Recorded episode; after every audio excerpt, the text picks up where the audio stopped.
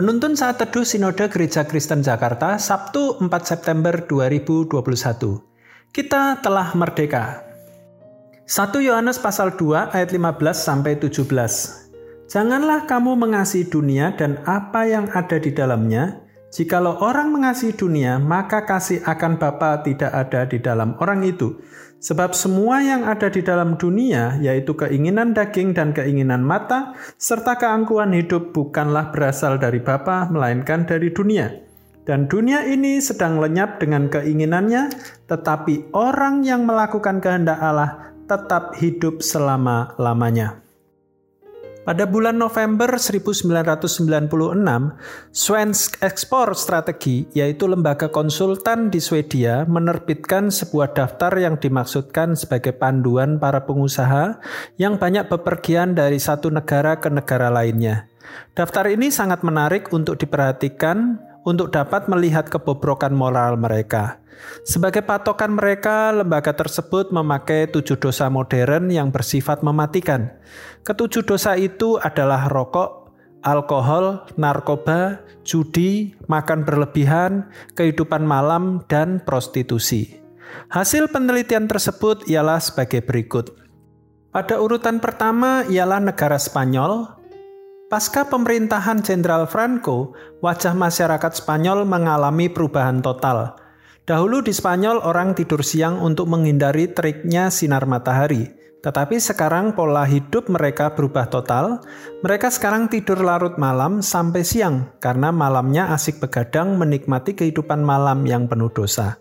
Urutan kedua adalah Prancis. Karena di negara ini konsumsi alkohol menempati peringkat tertinggi.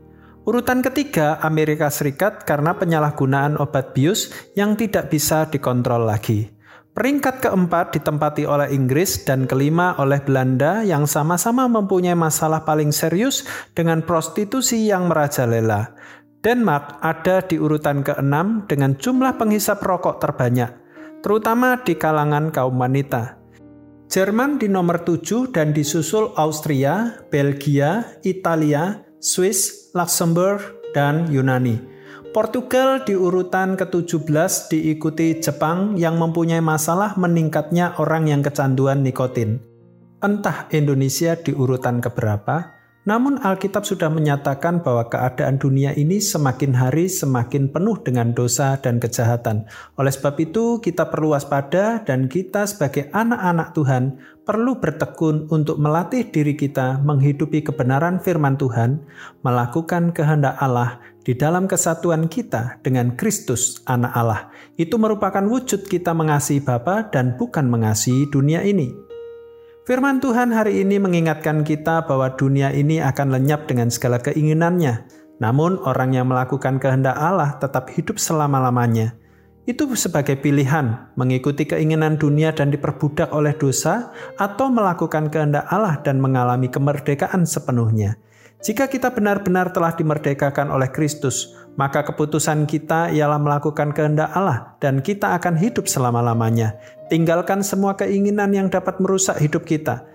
Jangan lagi berpaling pada keinginan daging, keinginan mata, keangkuhan hidup yang bukan berasal dari Bapa kita, melainkan ikutilah keinginan roh pandangan mata hati kita kepada Kristus dan kebenaran firman-Nya, serta kerendahan hati di hadapan Allah dan sesama kita, itu merupakan bukti nyata bahwa kita telah dimerdekakan oleh Kristus Yesus.